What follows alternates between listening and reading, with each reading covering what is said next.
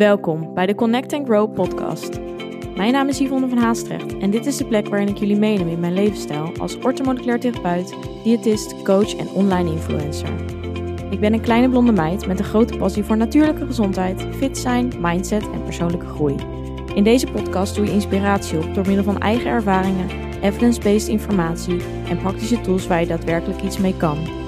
Een platform om samen te connecten en waar vele ervaringen mogelijk herkenbaar zijn. Hierdoor hoop ik jou het gevoel te geven er niet alleen voor te staan. Een veilige community met gedreven en open-minded vrouwen die allen op hun eigen manier willen groeien. Connect, be aware en take control. Ben jij er klaar voor? Welkom allemaal bij een nieuwe aflevering en vandaag een beetje een speciale. Ja, en ook wel misschien een beetje spannend, want beide doen we het voor het eerst. Ik heb voor het eerst iemand te gast en dat is uh, Eva Louise. Superleuk. Welkom Eva. Dankjewel. Misschien leuk om even kort voor de luisteraars te vertellen waar wij elkaar van kennen. Um, we zijn ja, beide actief op Instagram, dus daar kennen we elkaar deels van.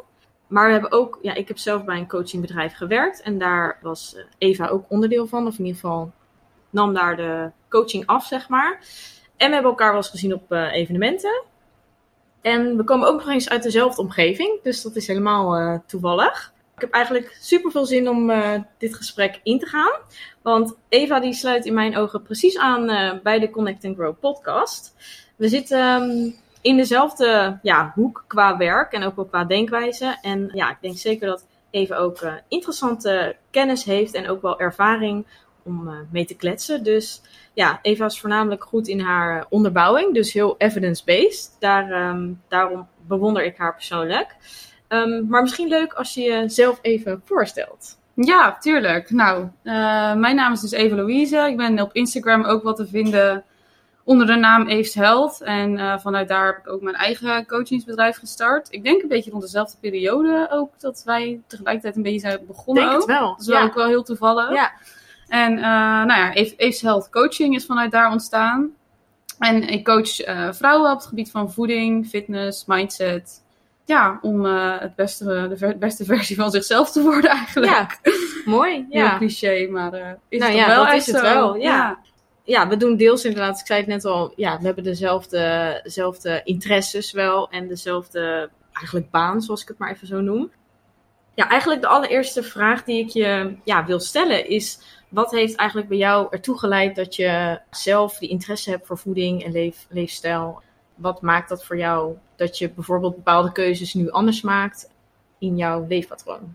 Uh, ja, nou dan gaan we eigenlijk best wel een tijdje terug. Ik was denk ik, ja echt op de middelbare school, dat ik best wel heel erg veel last van buikpijn had. Maar daarnaast was ik ook gewoon een beetje onzeker. Uh, ja, tienermeisje, wat je op de middelbare school natuurlijk misschien ook een beetje wordt. Ja.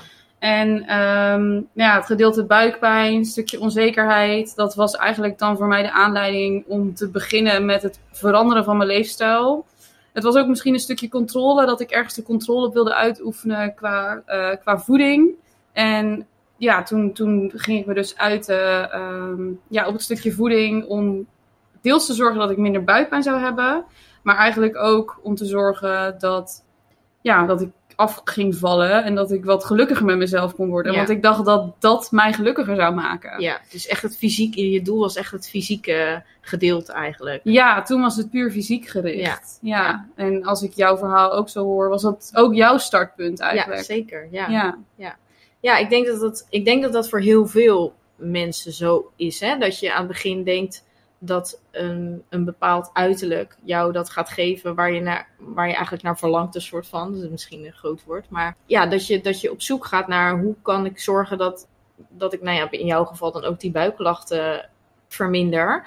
Omdat dat je in de weg zit, maar ook het beeld wat je dan ja, van jezelf hebt in de spiegel of wat dan ook. Maar ja, wat, wat heeft jou dan toen uiteindelijk doen beseffen dat, dat dat dus eigenlijk niet was wat jou gelukkig maakte? Of hoe ben je daar gekomen? Ja, ik heb eigenlijk best wel een traject toen ook af moeten leggen om erachter te komen dat dat fysiek, dat uiterlijk me niet gelukkig zou maken.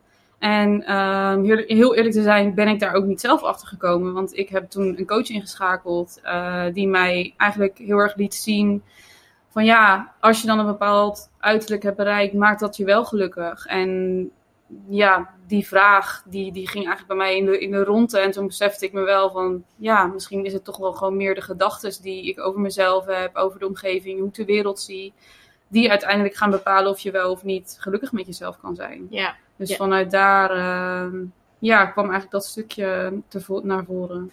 ja, dus eigenlijk meer de beperkende gedachten die je over jezelf had. Ja. Was meer het feit waar je dus wat mee moest gaan doen. Ja, zeker. Precies En, dat. ja, en die coach heeft je daar dan ja, bij geholpen. En Ja. wat waren dan bijvoorbeeld dingen waarmee je dan aan de slag ging? Of hoe heb je dat ja, in de praktijk gebracht eigenlijk? Nou, eigenlijk kwam ik er toen achter wat een coach nou eigenlijk is. Want wat, doet- wat doet een coach? Een coach houdt je eigenlijk een spiegel voor. En die, die laat jou precies ja, je, je zwakke punten misschien zien. Laat jou precies eh, zien waar je over nadenkt, welke gedachten je hebt.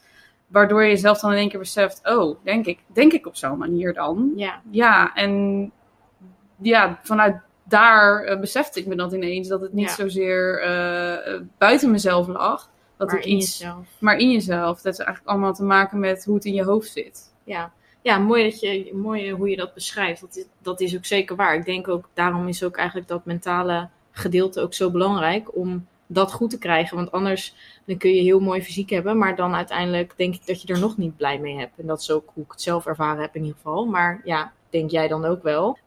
Je zei dat je eh, geïnteresseerd bent, nou, dat je eerst qua fysiek wilde veranderen en dat je er van die buiklachten af wilde. Ja, was dat echt het startpunt of was er nog meer? Eh, het startpunt om met een coach aan de slag te gaan? Of, Ja, deels, maar ook dus wat, waar uiteindelijk dus die interesse vandaan kwam. ja, nou ja, deels dus voor eh, ook natuurlijk gezondheid. Dus die buikklachten. Ja. En ja, ook, ook deels omdat ik dus ja, heel erg gefocust, heel erg de controle aan het uitoefenen was op mijn voeding. Ja. En eh, ja, zo obsessief ermee bezig was dat ik ja, ook gewoon tegen eetbuien bijvoorbeeld aanliep. En ja, gewoon eh, echt vo- volledig de controle kon verliezen. Dus daar kwam ook een stukje interesse vandaan naar, oké, hoe komt het dan dat ik de controle verlies? Waarom denk ik op die manier over voeding en eh, beland ik in een eetbui? Ja, en buiten dan dat je met die coach aan de slag bent gegaan, heb je dan zelf daar nog dingen... Ging je bijvoorbeeld dingen opzoeken op internet? Of wat... wat eh, Ja, goh, nou, online is zoveel te vinden. Ja. Dat je, ja, ik heb inderdaad ook heel veel dingen opgezocht. Maar Ja. ja, ja ik, ik vond het ook lastig wat nou de waarheid was en wat niet. En ik durfde ook niet alles, alles dan aan te nemen. En daarnaast had ik natuurlijk ook wel mijn studie die ik deed. Dus Ja. ik leerde daar ook wel veel. Maar waar ik dus eigenlijk ook vooral, vooral tegenaan leer... Oké, ik leer het wel en ik weet wel wat ik moet doen. Maar waarom doe ik het nou niet? Ja. Ja. Want heel vaak, ja, ik bedoel, iedereen weet wel wat hij zou moeten doen. Maar om het dan vervolgens toe te passen, dat is een tweede punt. ja, precies. Iedereen eh, weet dat groente en fruit goed voor je is. Maar het ook echt eh, ja, doen of eten, zeg maar, dat is een ander verhaal. Ja, want dat is dus eigenlijk wat je dan bij die coach hebt. Of in ieder geval wat die coach je heeft bijgebracht. Of in ieder geval ja, die spiegel dus voorhield. Ja, ik ben nou ja, een paar weken geleden dan ook bij jou geweest voor een masterclass. Die geef je, super tof trouwens. Maar ja, dat ging dus ook over het brein. En ehm, ja, super interessant. Want ik denk, brein zegt natuurlijk, of heeft, staat heel erg in verbinding met nou ja, wat jij mentaal denkt en wat je fysiek dus uitvoert. En ja, wat natuurlijk heel interessant is, is ja, waarom, wat je net zei, weten we de dingen wel, maar doen we het niet. En als je dat natuurlijk weet, of in ieder geval weet hoe meer dat brein werkt, dan kun je daar natuurlijk ook bij jezelf meer op inspelen. Ja, zeker, ja. En ja, die masterclass ging daar dus ook over. Dus zeg, leg ik het ook nu goed uit, überhaupt? Ja, nee, je legt het heel goed uit eigenlijk, ja. Oké.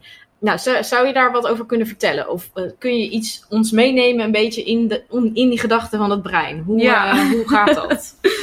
Ja, hoe gaat dat? Eh, nou ja, waar ik dus zelf een beetje tegenaan liep van, nou oké, waarom weet ik het wel, maar kan ik die kennis niet daadwerkelijk toepassen? En wat er vervolgens eigenlijk gebeurde was, ik ging me steeds meer verdiepen in, nou oké, hoe zit dat dan? Hoe werkt je brein? Nou, heel veel over gelezen en waar ik, waar ik dus eigenlijk achter kwam, wat iedereen heeft, en dat is een stukje reptiele brein eigenlijk. En dat reptiele brein, die, eh, die dragen we al bij ons sinds de oertijd. En hier komen nog heel veel driften en instincten uit voort. En toen ik van het bestaan van dat reptiele brein wist, toen dacht ik in één keer, wow, oké. Het is echt een soort van eye-opener, eh, dat ik mezelf heel erg ging begrijpen. Want wat ik heel vaak in mijn hoofd meemaakte, was dat het een soort van tweestrijd was. Het ene stemmetje zei dit en het andere stemmetje Ja. zei dat. En ik hoor ook heel veel mensen die dat ook een beetje ervaren. En dan, dan hoor ik ze ook wel eens zeggen, ja, Heel vaak, ja. ja, van ik, ik lijk wel gek of zo, want, want ik wil wel, maar dan heb ik toch een smoesje om het niet te doen. Ja. En hoe komt dat nou? Nou, Ja. en toen kwam ik dus achter dat het bestaan van het reptiele brein. En dat die gedachten dus daaruit voort kunnen komen. Ja, dus dat het niet echt zozeer dat je het zelf bent, als het ware. Of dat je bijvoorbeeld geen motivatie hebt omdat je een niet gemotiveerd mens bent. Maar meer omdat je dus daadwerkelijk ook een brein hebt die dat dus bij jou teweeg brengt. Ja, precies. Ja, en dan, dan geef ik ook altijd het voorbeeld van: Goh, ben jij dan eh, in de wieg gelegd als baby, als ongemotiveerd baby? Ja, Of is het iets wat jij in de loop der jaren zo hebt gecreëerd? ja, Nou, je wordt niet als ongemotiveerde ba- baby geboren. nee. Hetzelfde als dat, dat mensen bijvoorbeeld zeggen van ja, ik, ik ben nou eenmaal iemand met eh emotie tegen, tegen emotie aanlopen of met eetbuien. Ja, is dat iets waar jij dan mee geboren bent? Of is het iets wat in de loop van de jaren zo gecreëerd is? Ja. Ja, en wat je misschien zelf, ook jezelf misschien hebt aangepraat. Dat kan Ja. natuurlijk ook, hè? of door omstandigheden inderdaad. Ja, dat zeg je mooi. Het is, is het, worden we allemaal geboren als, natuurlijk, we hebben onze eigen genen. En, eh, maar uiteindelijk opvoeding, omgeving en omstandigheden zorgen ervoor dat wie jij bent, ben jij, weet je wel. Dus Mhm. ja, het is natuurlijk denk ik een hele mooie tool om op die manier jezelf beter te begrijpen. En ehm, ja, hoe pas je dat dan toe in de praktijk, zeg maar, bij mensen? Of tenminste, Ja. bij jezelf en bij de mensen die je coacht. Ja, het jezelf inderdaad heel erg bewust worden dat je als je geboren wordt eigenlijk nog blanco bent. Dus je wordt geboren met een, een brein waar eigenlijk nog niks in zit. En door inderdaad opvoeding en de omgeving en je ouders wordt er van alles ingestopt. Ja. En eh, vanuit daar wordt er een soort van ja, database aangemaakt waar, waaraan jij alles refereert. Dus je, ja, er ontstaat je eigen referentiekader van hoe de wereld eruit zou moeten zien, hoe jij eruit zou moeten zien hoe je denkt, hoe je handelt, hoe je reageert.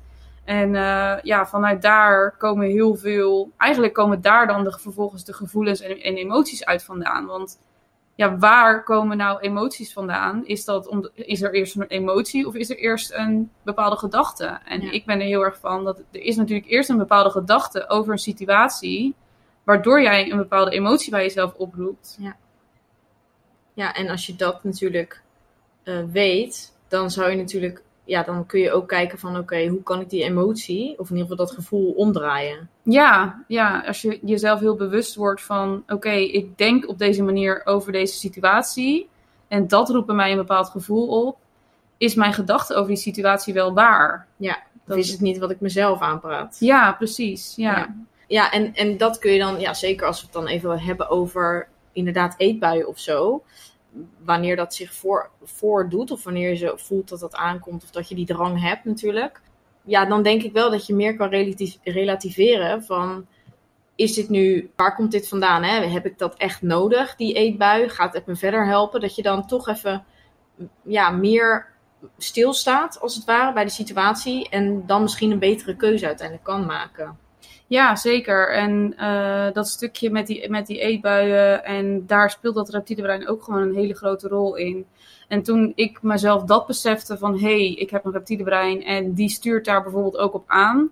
Toen viel bij mij ook best wel het kwartje. Want wat het reptiele brein eigenlijk is, nou, hij heeft één functie, het reptiele brein, en dat is zorgen dat wij overleven.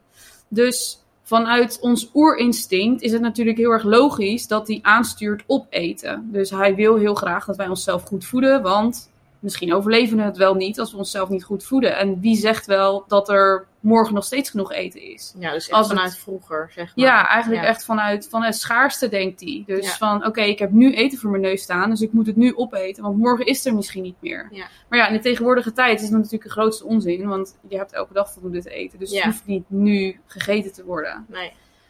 En dat is natuurlijk één ding waar, waar het oerinstinct uit naar voren komt. Dus ja, het is echt een overlevingsdrang om te zorgen dat we overleven. Wat we nu niet altijd meer nodig hebben, want er is altijd voldoende te eten. Maar daarnaast kunnen ja, eetbuien natuurlijk ook vanuit andere eh, situaties ontstaan. En dat is bijvoorbeeld ook het zwart-wit denken, wat uit het reptiele brein naar voren komt. Ja.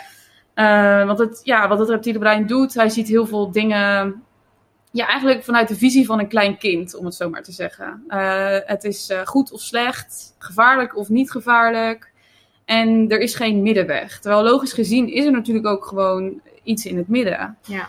En zeker met voeding, heel vaak denken mensen daarin in hokjes van oké, dit is goed als ik dit eet en dit is slecht. En op het moment dat het dan slecht is, dan zegt dat reptiele brein tegen je van nou, nu heb je toch al verpest, weet je, laat maar zitten. Ja, die alles of niets principe. De alles of niets mindset, ja. ja.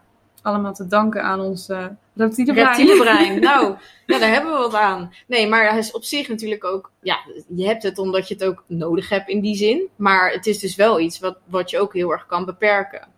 Ja, ja, we hebben hem ook zeker nodig. Ja. Dus uh, ik bedoel, hij, hij, regelt ook onze, onze hartslag, onze bloedsomloop. En op het moment dat er bijvoorbeeld een auto om de hoek komt scheuren, dan zorgt dat reptiele brein ervoor dat er ons fight-or-flight mechanisme wordt geactiveerd, waardoor we aan de kant kunnen springen. Ja, ja. Dus we hebben hem ook zeker nodig. In gevaar is hij wel handig. Ja. Ja. Maar heel vaak komen er ook gedachten uit voort die ons niet verder helpen op dit Nee. moment. Omdat hij dus zo erg op die overleving is gericht. Ja. En daarom is het voor heel veel mensen ook bijvoorbeeld lastig om te veranderen. Omdat eh, het reptiele brein die wil eigenlijk voorkomen dat jij iets anders gaat doen dan dat je altijd al doet. Ja. Omdat hij niet weet of je het gaat overleven. Ja. Want als jij verandert en je gaat in één keer iets anders doen. Ja, wie zegt dat jij dan de, de, de morgen nog steeds bent? Dat is trouwens, jij zei ook in je masterclass, daar zei je heel mooi van, eh, stel je wil iets, iets eten of naar een bepaald, je weet dat je naar een bepaald restaurant gaat, dat zei van, ja, bedenk dan ook inderdaad bij jezelf, hè, van, kom ik hier nooit meer terug of kan ik dit nooit meer eten? En dat is natuurlijk iets, ja, dat is dan een hele goede om in de praktijk natuurlijk bij jezelf af te vragen van, dat is dat reptiele brein dat tegen jou zegt, je moet het nu eten, het staat nu voor je, dit is je kans, weet je wel. Maar eigenlijk, ja, eh, je kan eh, de volgende dag kan je bij wijze van spreken dat weer eten. En dan is het er nog steeds, weet je wel. Omdat we die schaarste dus niet meer hebben. Ja, ja, precies. Nou, dat is inderdaad echt een hele goeie. Want eh, ja, is het de laatste keer dat je dat kan eten wat voor je neus staat? Ik heb het mezelf echt heel vaak afgevraagd van oké, moet ik nu alles eten wat hier staat? Of komt er nog een moment dat ik dit kan eten? Nou, dan- er komt natuurlijk nog een moment. Dus dan kon ik mezelf, ja, eigenlijk mijn reptiele brein weer een soort van... Als klein kind er tegen zeggen van, dit is niet de laatste keer, we kunnen het nog een keertje eten. Ja, Bewaar het tot een ander keertje als het dan misschien wel kan. ja, en waar is dan eigenlijk, die kennis heb je dan ook via die coach geleerd? Of is dat iets wat je zelf qua interesse, omdat je vindt, ja, vanuit ook je opleiding, je bent dan, ehm, hebt dan ook master gedaan. Is het, is- heeft dat al, altijd al ingezeten dat je dan daar meer de achterliggende gedachten, zeg maar, bij wil weten? Ja, nee, dat zeker. Ja. Het onderzoeksgedeelte, zeg maar dan ja, de- inderdaad, de onderzoekskant. Ik, wil, eh, ik merk ook heel erg dat dit bij vrouwen ook best wel het geval is. Vrouwen moeten echt weten, oké, maar waarom is dat dan zo? En waarom is dat goed voor me? Ja, echt dat doordenken. Ja, Ja. en niet zeggen, ik, ja, ik weet niet, met, met een man moet je gewoon zeggen, oké, zo is het en zo moet je het doen. Ja, en die doen dat ook. En die doen het. Ja. En, en vrouwen, ja, maar waarom dan? En hoe werkt dat dan in mijn lichaam? En ja, daar kwam bij mij eigenlijk de interesse vandaan voor het brein. Nou, eh, die coach heeft me inderdaad het opzetje gegeven om er meer over te gaan leren. Maar uiteindelijk heb ik ook heel veel zelfstudie, heel veel boeken gelezen Ja. om er meer over te weten te komen. Ja. Ja, ook gewoon vanuit je interesse dus, omdat je het interessant vindt. Ja, omdat het gewoon heel eh, leuk is ook. Omdat als Ja. je iets leuk vindt of als je het iets interessant vindt, is het ook heel leuk. Ja, nou, ja, En, ja, en je kan het natuurlijk nu toepassen bij eh, de mensen die je zelf coacht. Ja, Dus precies. dat is, dat is natuurlijk een mooie combi. Ja, ja dieetloos diëten. Je hebt er nu ook een online eh, eh, videocursus voor. Ja, kun je uitleggen waarom, of wat houdt dat voor jou in? Wat, wat betekent dat, dat dieetloos diëten? Want ja, we horen en zien overal diëten voorbij komen. en nou ja, inmiddels is het gelukkig wel, wordt het wel steeds bekender dat echt een dieet, dat dat niet de oplossing is. Dat eh, is ook zelf iets waar ik, waar ik graag altijd over praat, omdat ik vind dat nog te weinig mensen daarvan af weten. Maar hoe moet je het dan wel doen? En nou ja, jij hebt dus die videocursus gemaakt. En ja, ik denk dat het leuk is om even, ja, hoe, wat is jouw visie daarop? Ja, ik denk dat eh, een voedingspatroon voor iedereen uniek hoort te zijn. En voor iedereen is er iets wat werkt voor jou. Daarom kwam eigenlijk het dieetloos dieet, die gedachte bij me op van een dieet of een voedingspatroon moet niet voelen als een dieet. Dus het moet dieetloos voelen. Ja. En dat is voor iedereen, ja, er is geen, eh, ja, hoe zeg je dat? All you. Oh, het is geen one size fits all. ja. En daarom vind ik het heel belangrijk om bijvoorbeeld ook eh, op zoek te gaan naar: oké, wat past er in jouw levensstijl? Wat vind jij fijn om, uh, om, om, echt vast te houden? Ja. Welk, welk ritme? De een vindt het misschien fijn om zo'n ontbijt uit te stellen, die vindt dat intermittent fasting misschien weer Mhm. wat. De ander die uh, houdt misschien wat meer van vetten in zijn dieet. Nou, die gaat wat meer vetten eten. Ja. En ja, zo is er voor iedereen wel wat wat bij je past. Waardoor je je eigen dieetloze dieet zou kunnen opstellen. Ja. Ja, het is niet zozeer dat je het een dieet hoeft te noemen dan. Nee, nee, nee. Maar... Maar het is een beetje het, juist het, uh, het stigma rondom dieet weghalen. Ja, precies. Ja, ja. Nou ja, en dat is denk ik wat wel mag gebeuren, vind ik. Want daarom raken mensen ook natuurlijk in de war. Hè? Want het die ene persoon doet dit. Die zegt, ja, voor mij werkt dit heel goed. En de andere persoon zegt, ja, ik doe het zo. En voor mij werkt dit juist heel goed. En dan ga je denken, hè? Nou ja, ik heb het allemaal maar... Ja, toen heb ik van beide maar een beetje geprobeerd. Doe je het een beetje half. En dan werkt eigenlijk... Werkt het allebei niet. Nou, dan ga je bij jezelf nog maar afvragen van... Waarom lukt het mij niet? Omdat je alles maar half doet. Terwijl, ik zeg ook wel eens... Stiekem weten vaak mensen bij zichzelf echt wel wat, wat ze fijn vinden inderdaad om te eten. En of inderdaad die veel koolhydraten of minder koolhydraten juist wel of niet goed werkt. Weet je, de een krijgt er juist superveel energie van. De ander die raakt er juist energieloos van omdat de vertering veel te lastig gaat. Weet je wel? Mhm. Wordt juist futloos van veel uh, koolhydraten. Dus is dus specifiek. En nou ja, in, dat, in die videocursus ja, leg jij denk ik in stappen uit hoe je eigenlijk erachter kan komen wat bij jou het beste past. Ja, Zie nou het ja, goed? ja. ja.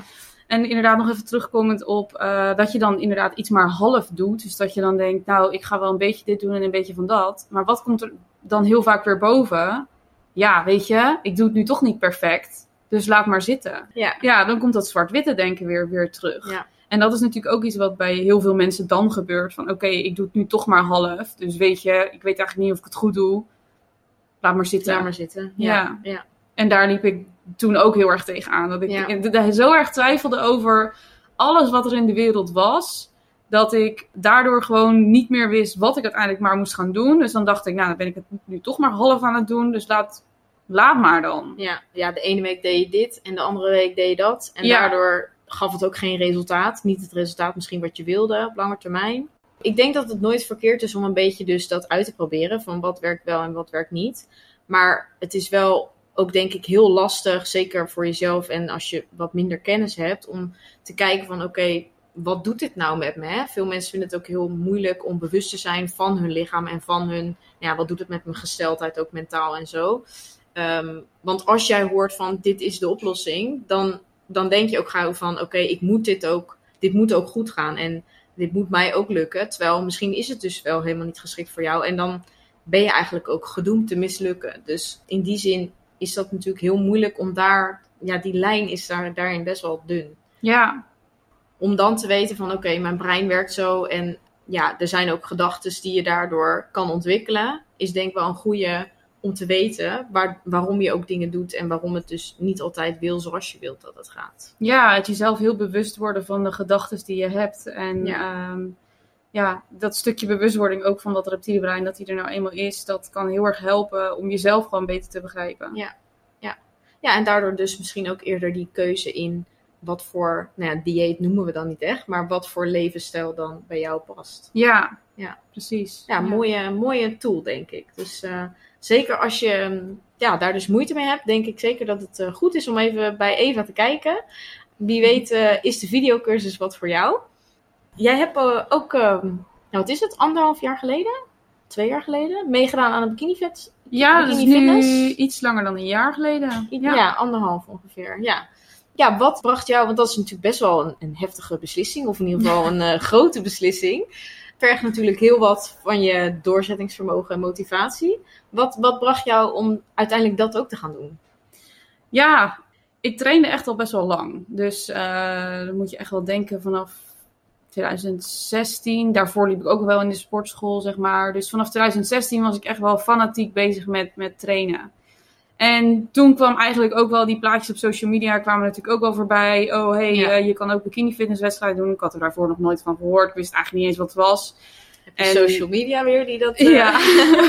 ja. ja, precies. En eh, ja, toen zag ik inderdaad die plaatjes voorbij komen. En toen dacht ik eerst ook nog van, nou, dat bruin gespoten en uh, die, dat wereldje, dat is toch niks. En nou, maar toen, het ging toch wel een beetje, een beetje knagen of zo. Want ik, ik weet niet, ik was toch best wel veel bezig met, met trainen. En net als dat een, mara of ja, dat een uh, hardloper op een gegeven moment zegt, oké, okay, ik ga nu een marathon rennen. Ja. Dacht ik, nou, dan hoort een wedstrijd soort van ook erbij. Tenminste, dat. Een doel. Een, ja. Ik wilde graag een doel hebben. En eigenlijk speelde dat al, ja, ik denk wel twee, drie jaar dat ik erover nadacht van, goh, zou ik misschien een keertje een wedstrijd gaan doen? Ja, je hebt daar die, in de aanloop daar naartoe heb je daar wel ook al heel lang, was je daar al heel lang mee bezig? Ja, heel lang. Ja, ja. echt wel uh, twee, drie jaar. En voordat ik het überhaupt wilde gaan doen, wilde ik wel echt 100% zeker weten dat ik volledig de controle had op mijn voeding. Ja. En dat ik volledig in balans was. Uh, geen eetbuien meer. Niet meer die alles of niets mindset. En er gewoon op een goede manier in kon gaan. En Ja. ik wilde dat ook ja, laten zien. Ik heb destijds ook best wel veel gedeeld van het hele traject er naartoe. Ja. En ik moet zeggen, uh, het traject is voor mij ook ja, best wel goed verlopen. En ik weet zeker dat dat ook niet, natuurlijk niet voor iedereen zo is. Ik denk dat het heel erg verschilt per persoon. Maar een stukje mindset kan wel heel erg je erin helpen om het op een goede manier te doorlopen. Dus voordat ja, ik je was überhaupt... mentaal al veel sterker eigenlijk. Ik was mentaal inderdaad sterk had genoeg. je drie jaar eerder gedaan, bij wijze van. Ja, dan had ik het niet op deze manier kunnen doen. Nee, en het was ja, een soort van de kers op de taart van eigenlijk het bewijs aan mezelf van hey, zelfs in een wedstrijdprep kan je de balans houden. Ja. En kan je nog gewoon genieten blijven van voeding. Hoef en je niet te diëten. hoef je niet te diëten. Nee, ja. ja. precies. Ja. En dat heb ik ook ja, destijds ook gewoon kunnen of proberen te laten zien eh, op social media. Ja. Van eh, twee weken voor mijn wedstrijd. Toen had ik nog een pizza. Nou, oké, het was een macaroni pizza, dus een bloemkoolbodem. Maar hey, ik had wel ja, een pizza. Nou ja, ik zie het ook wel eens anders. Ja. ja. en, en chocola. Nou, Ja, ik vond het echt mooi hoe je dat, eh, hoe je dat toen deelde. En ik denk dat dat ook voor velen ook wel echt een eye-opener was of zo. Dat, ze, dat heel veel mensen jou gevolgd hebben en dachten van, eh, hoe doet zij dat dan? Hè? Hoe kan dat? Ja, precies. Ja, het was echt zo van, eh, hè, maar je moet toch heel strikt diëten om daar te komen. En tuurlijk krijg je ook dan wel eens de opmerking, oh, mag je dat wel? En ik moet ook zeggen, soms dan was het ook wel eens lastig. Ja, je moet ook wel streng zijn, tuurlijk. Ja. je moet ook ergens dingen laten. En ik probeerde bijvoorbeeld wel zoveel mogelijk nog mee uit eten te gaan. En soms was het echt, echt lastig, kon ik niet zoveel mee eten. Maar dan had ik gewoon voor mezelf besloten, oké, waar, draait dit- waar draait dit om? Nou, dit draait om de sociale gelegenheid, om het samen zijn met elkaar. Het draait niet dan voor, voor mij op dit moment om het eten. Mhm. Dus dan eet ik misschien maar even iets minder. En als ik thuis kom, dan eet ik mijn bakje met eh, alsnog eh, gewoon, gewoon wat ik dan kon eten. ja, ja. En dan loste ik het op die manier op. Dus dat hele bikini fitness traject, de prep er naartoe, was voor mij de bevestiging van hé, hey, ik heb die balans en ik kan dit zelfs in deze moeilijke periode gewoon vasthouden. En vanuit daar kwam ook de gedachte van ja, dit gun ik anderen ook. Ik gun Ja. ook anderen om op zo'n manier met voeding om te kunnen gaan, om zo'n mindset te kunnen hanteren, eh, zodat zij dat ook gewoon kunnen toepassen.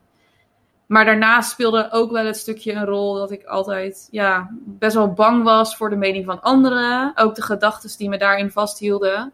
Ja, een wedstrijd doen. Dat roept natuurlijk heel veel meningen op Ja, van heel veel ja, mensen, mensen, om me heen. En dat was ook best wel een lastige situatie. En ook destijds was ik heel blij met de coach die ik toen had. Die mij ook kon laten zien van... Hé, hey, maar bekijk het van die kant. En ehm, ja, ben ik er alleen maar sterker uit kunnen komen. En heb ik gewoon echt aan mezelf bewezen... Oké, ik durf in een bikini ja nou, op een podium te staan. Ja. ja, en die eerste keer ging het ook helemaal niet goed hoor. Dus Nee, maar je, ja, dat, dat is gewoon ervaring en daar leer je natuurlijk van. En wat je net zelf zegt, juist dus ook met die, eh, voornamelijk met het behoud van die gezonde relatie met voeding. ja, En eh, gewoon hoe je over jezelf denkt. En ik vind het echt super knap dat je dan zo'n beslissing durft te nemen van buiten het feit dat je dan inderdaad door anderen die meningen voelt en dat je toch voor jezelf kiest van nee, ik wil dit. Het lijkt mij tof om te ervaren, dus ik ga het gewoon doen.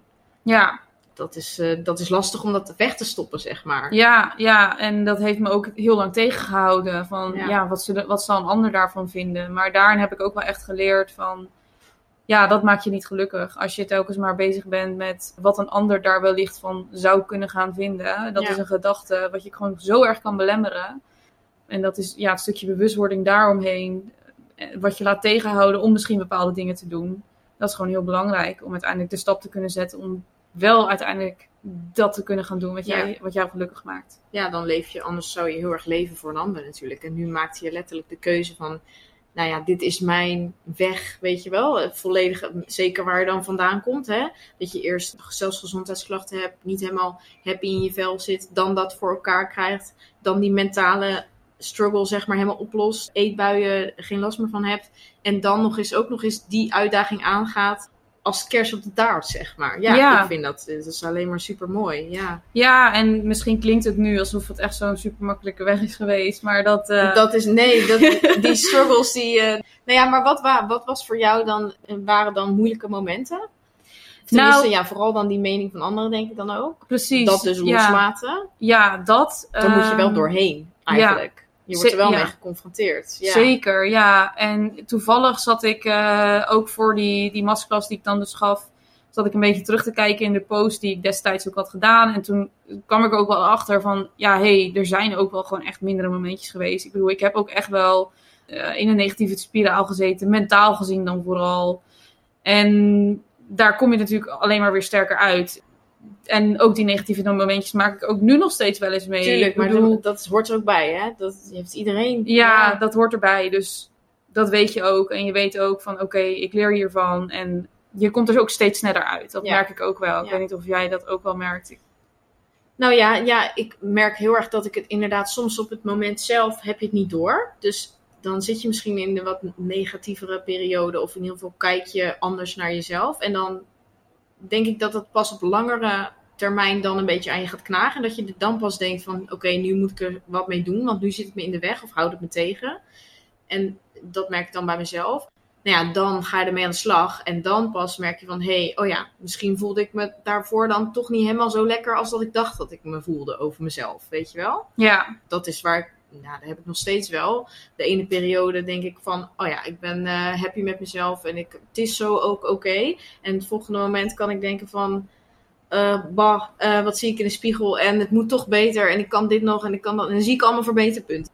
ik denk dat elke vrouw dat heeft. Ja, En dat het ook bij bepaalde fases misschien ook in je, in je leven hoort, dat dat gewoon gebeurt. Ja, en dat het er ook mag ja. zijn. Dat, dat vind ik ook natuurlijk het verschil. Nou Ehm, dat is het vooral, ja. Ja, ja. En jezelf er niet voor afstraffen, zeg maar. Nee, je ziet overal tegenwoordig ook voorbij komen van ja, je moet positief blijven en positief eh, positieve mindset. Dat. En Dan, dan, wordt dat ook weer een druk. dan wordt dat inderdaad een druk. Ja. Want op het moment dat je dan negatief denkt, dan denk je ja, ik mag niet negatief denken. Nee, en dan heb je waarom denk ik gefaald. zo? Ja, Ja. ja. En dan praat je jezelf alleen maar weer meer de put in. Dus op het moment dat negatieve gedachten er zijn, laat ze er zijn. Ga even bij zijn. jezelf in. eh, ja, bij jezelf in. ja, en, Ja. en ga kijken, oké, zijn die gedachten die ik heb, is dat wel de waarheid? En kan ik er misschien op een andere manier over nadenken? Of Ja. even weer pas op de plaats, wat is de realiteit? Ja, nou dat zeg je precies mooi. Want dat, dan wordt het ook weer, had ik in mijn vorige podcast, had ik het daar ook een beetje over. Juist omdat er dan weer heel erg dan inderdaad wordt gezegd van, of, of geschept van je moet er zo uitzien. En je moet, maar ja, eh, is dat wel voor jou, wil jij dat wel echt? En is dat wel voor jou weggelegd? En net zoals die positiviteit, ja, als je jezelf heel erg gaat opleggen van, ik moet zo vaak sporten en ik moet gezond eten en ik moet positief zijn. Ja, als dat dan een keer niet lukt, dan heb je het gelijk verpest. Ja, dat slaat natuurlijk ook nergens op. Dus Ja. niet jezelf te veel opleggen. En ehm, ja, weten dat je je ook zo mag voelen. Zeg maar Mhm. dat die negatieve momenten ook heel normaal zijn. Meestal leer je daar dan uiteindelijk alleen maar van. Ja, dan kom je alleen maar sterker uit. Zo zie ik het ook altijd. Ja. En wat je ook, eh, vind ik ook wel een hele, hele goede wat je daar zei over het moeten. Ik moet gezond eten, ik moet sporten. Wees je ook heel erg bewust van de moedgedachten die je hebt. Wat, wat Ja. moet je allemaal van jezelf? Wat leg je allemaal jezelf op? Want als je dat anders zou zeggen, oké, ik wil gezond eten of ik kan gezond eten. Het is Ja. niet een ik moet het. Nee, je wilt het. Ik Ja. wil sporten. Ik wil. ehm, ik merk dat ook best wel eh, is bij de, bij de dames in de coaching. Op het moment dat ik dan, ze dan bewust heb gemaakt van. Oh, hey, je zegt heel vaak het woord moeten, Moeten. tegen jezelf. Ja. Dat de volgende keer dat ik ze spreek, ja, ik moest nog sporten, eh, wilde sporten. Ja, sorry, sorry. Ja. ja, moeilijk denk ik. Want kijk, dat is ook wanneer mensen in actie komen.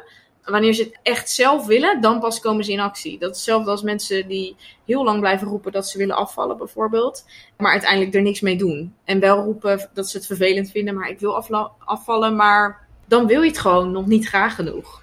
En pas als, als je het natuurlijk echt wil en voor jezelf doet, dan pas ga je er mee in actie komen. En dan is het nog inderdaad het omdraaien van: oké, eh, ik wil afvallen, waarom wil ik dit? Dus doe ik dit inderdaad voor mijn gezondheid? Of doe ik dit omdat het moet, omdat de buitenwereld gezegd heeft dat ik er zo uit moet zien? Ja, ja, dat vind ik ook inderdaad een hele goeie. Want vaak beginnen mensen eh, veel te vroeg met bepaalde acties eigenlijk ondernemen. Er zijn eigenlijk vier stappen die nodig zijn om tot verandering te komen. Ja. En heel veel mensen beginnen da- daadwerkelijk met stap vier. Van oké, ik eh, ga dingen toepassen. Wat is het eigenlijk stap- einddoel? het ja, einddoel. hoe kom ik daar? Ja. Ja, terwijl er eigenlijk nog dus drie stappen voor zitten. Of heel veel mensen beginnen bij stap drie. En dat is eh, wel, wel zeggen dat je wil veranderen, maar uiteindelijk niet begrijpen waarom je eigenlijk wilt veranderen. Ja.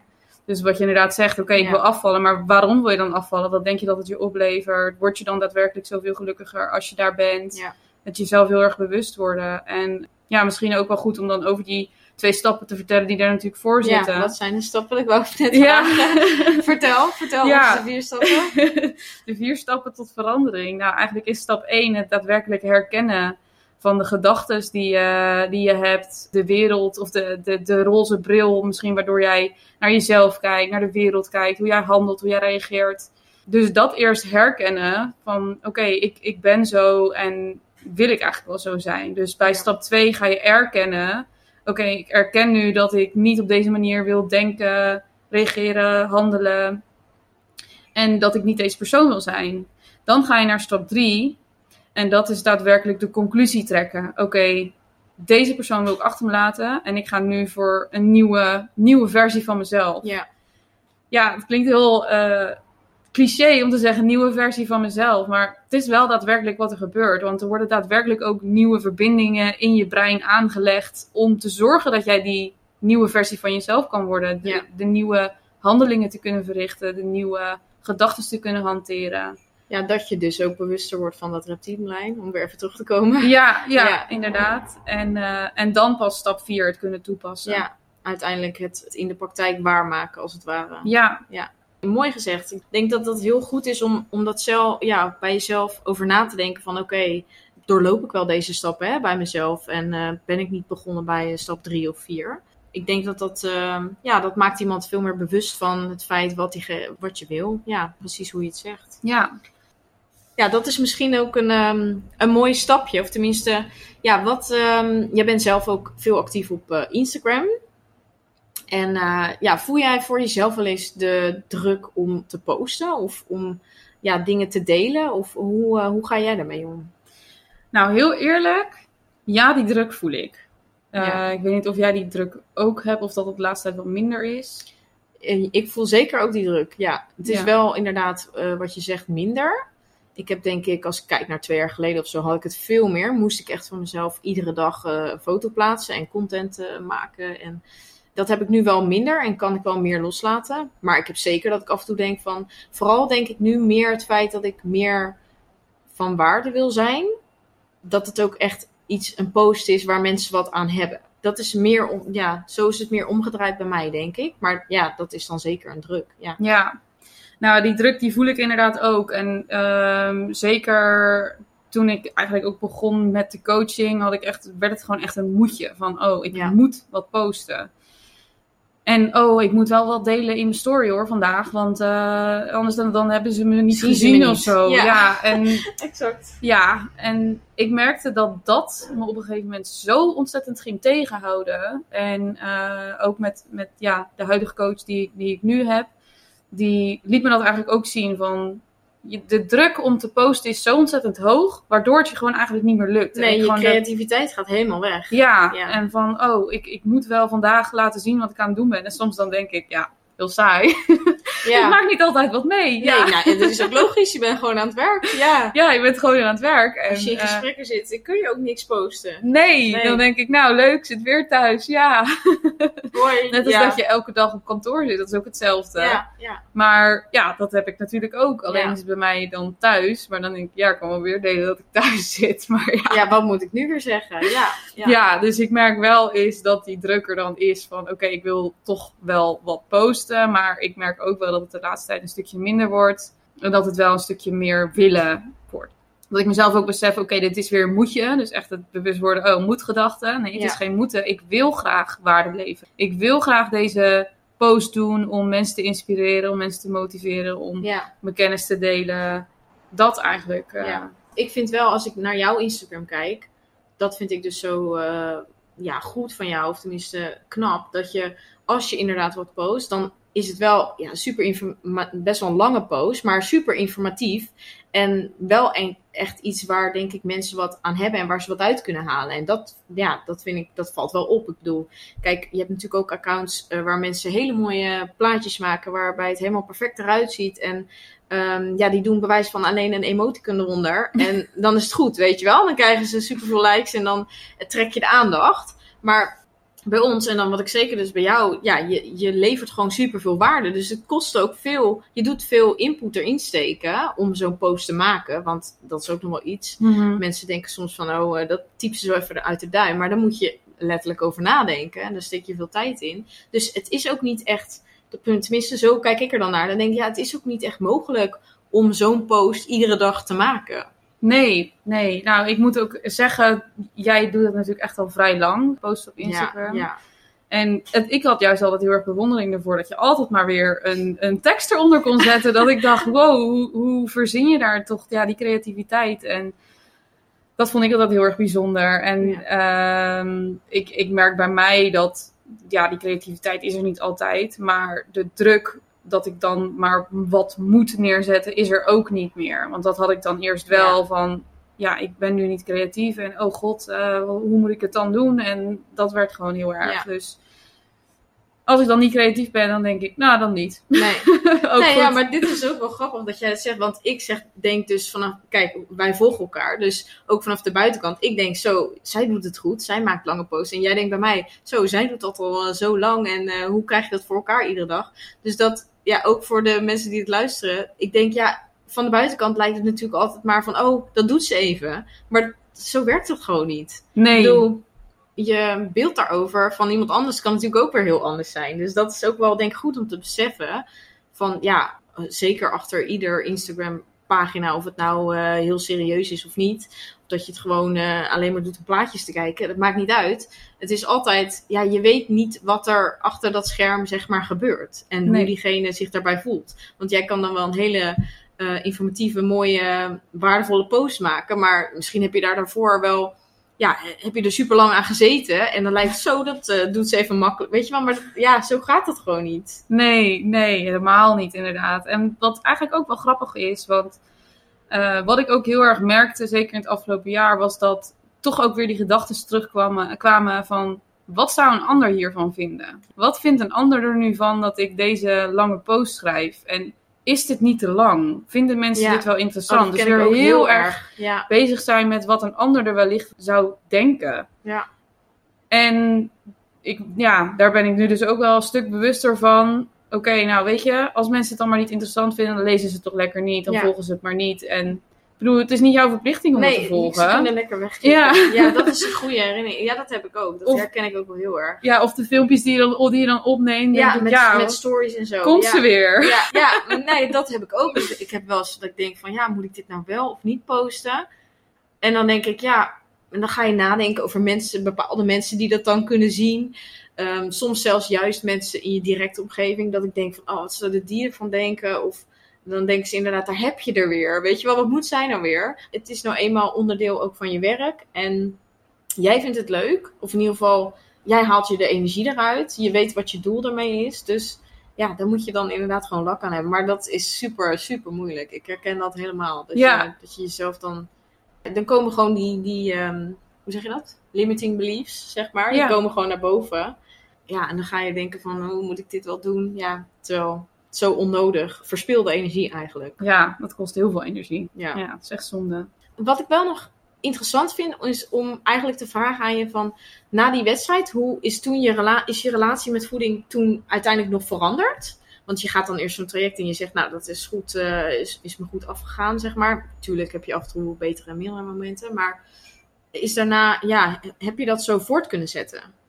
Ja, eigenlijk wel. En die wedstrijd doen en het traject er naartoe gaf mij de bevestiging van... hey, het kan op een normale manier, het kan op een dieetloze dieetmanier. Dus dat eigenlijk, maar toen daarna, want heel veel mensen vallen daarna natuurlijk in de gat van... oké, je doel valt weg en dan? Maar eigenlijk, ja, is dat bij mij dus niet echt voorgekomen. Ik had tijdens de hele wedstrijdprep niet het idee dat ik in prep zat. En ook heel veel uh, mensen die dan denken, oh, je bent, je bent klaar en ik kan weer alles eten, want nu mag het weer. Ja, dat had jij niet. Ik had dat helemaal nee. niet. Nee, omdat het... Omdat je het dus ook niet liet staan. Dus dan, ja. Nee, dus ja. toen dacht ik ook van, ja, ik hoef nu niet in één keer wel uh, normaal te gaan doen. Kijk, dat is ook natuurlijk het stukje, wat is voor jou normaal? ja. ja. En Daar kunnen we ook een podcast aan wijden, maar ja. Ja, ja, en voor mij was het normaal om op die manier met voeding om te gaan. Heb Ja. ik niet heel veel anders gedaan in mijn wedstrijdprep. En Ja. daarna ging ik gewoon weer vrolijk verder met wat ik al die tijd al deed. Ja. Dus ja. Ja, alleen dus het, doel geen- viel, viel, het, ja, het doel viel weg. Maar je had geen, niet een podium om naar te werken. zeg niet een maar. podium, nee. Maar dan nog moet je het, ja, komt dan het stukje terug van... Je vindt het nog steeds heel erg leuk om te doen. Vindt het gewoon leuk om lekker te trainen. Ja. Vindt het leuk om op die manier ermee bezig te zijn. Ja, Dus het hoort bij je, zeg maar. ja, Ja. onderdeel van. Nee, ja, mooi, eh, mooi om te zien. Ja, ik denk dat dit een mooi, eh, mooi einde is. Ja. Of heb je nog iets wat je zou willen delen? Dat kan natuurlijk ook. We Nee. hebben wel, ja, ik denk dat we, we zouden nog heel veel eh, door kunnen kletsen, denk ik. Maar Ja, ik denk dat... eh, ik denk dat dit zeker, dat we nu wel een aantal dingen hebben aangeknoopt waar mensen wat mee kunnen. Of in ieder geval dat ze er toch over na gaan denken. Vooral Ja. eh, inderdaad die, eh, ja, het reptiele brein. Beetje Ja. onderdeel eh, van deze podcast. Ja, ik wil je super bedanken voor deze aflevering. Ja, nou, ik wil jou heel erg bedanken dat ik natuurlijk ook gewoon in je podcast mag. Geen dank. Connect and Grow. Graag. Wie weet kunnen we nog een vervolg doen. Lijkt me leuk. Ja, lijkt me ook heel leuk. Als jullie eh, even willen volgen, dan kun je dat natuurlijk doen op haar Instagram. Eves Hilt. Heeft held, ja. Eves Hilt. Zeg ik goed. En daar kun je natuurlijk ook meer informatie over haar vinden. Verdere website, et cetera. Staat in je bio, zoals we dat noemen. Ehm, en mocht je vragen hebben voor een van ons, dan eh, kun je natuurlijk ook altijd even een berichtje sturen. Of eh, hieronder eh, reageren. Ja, bedankt voor het luisteren. Ja, dankjewel. Bedankt voor het luisteren. Vond je dit een leuke aflevering of ben je geïnspireerd geraakt? Deel dit dan met anderen of maak een screenshot en deel dit via stories op Instagram. Superleuk als je mij hierin tagt. Elke vorm van support waardeer ik enorm.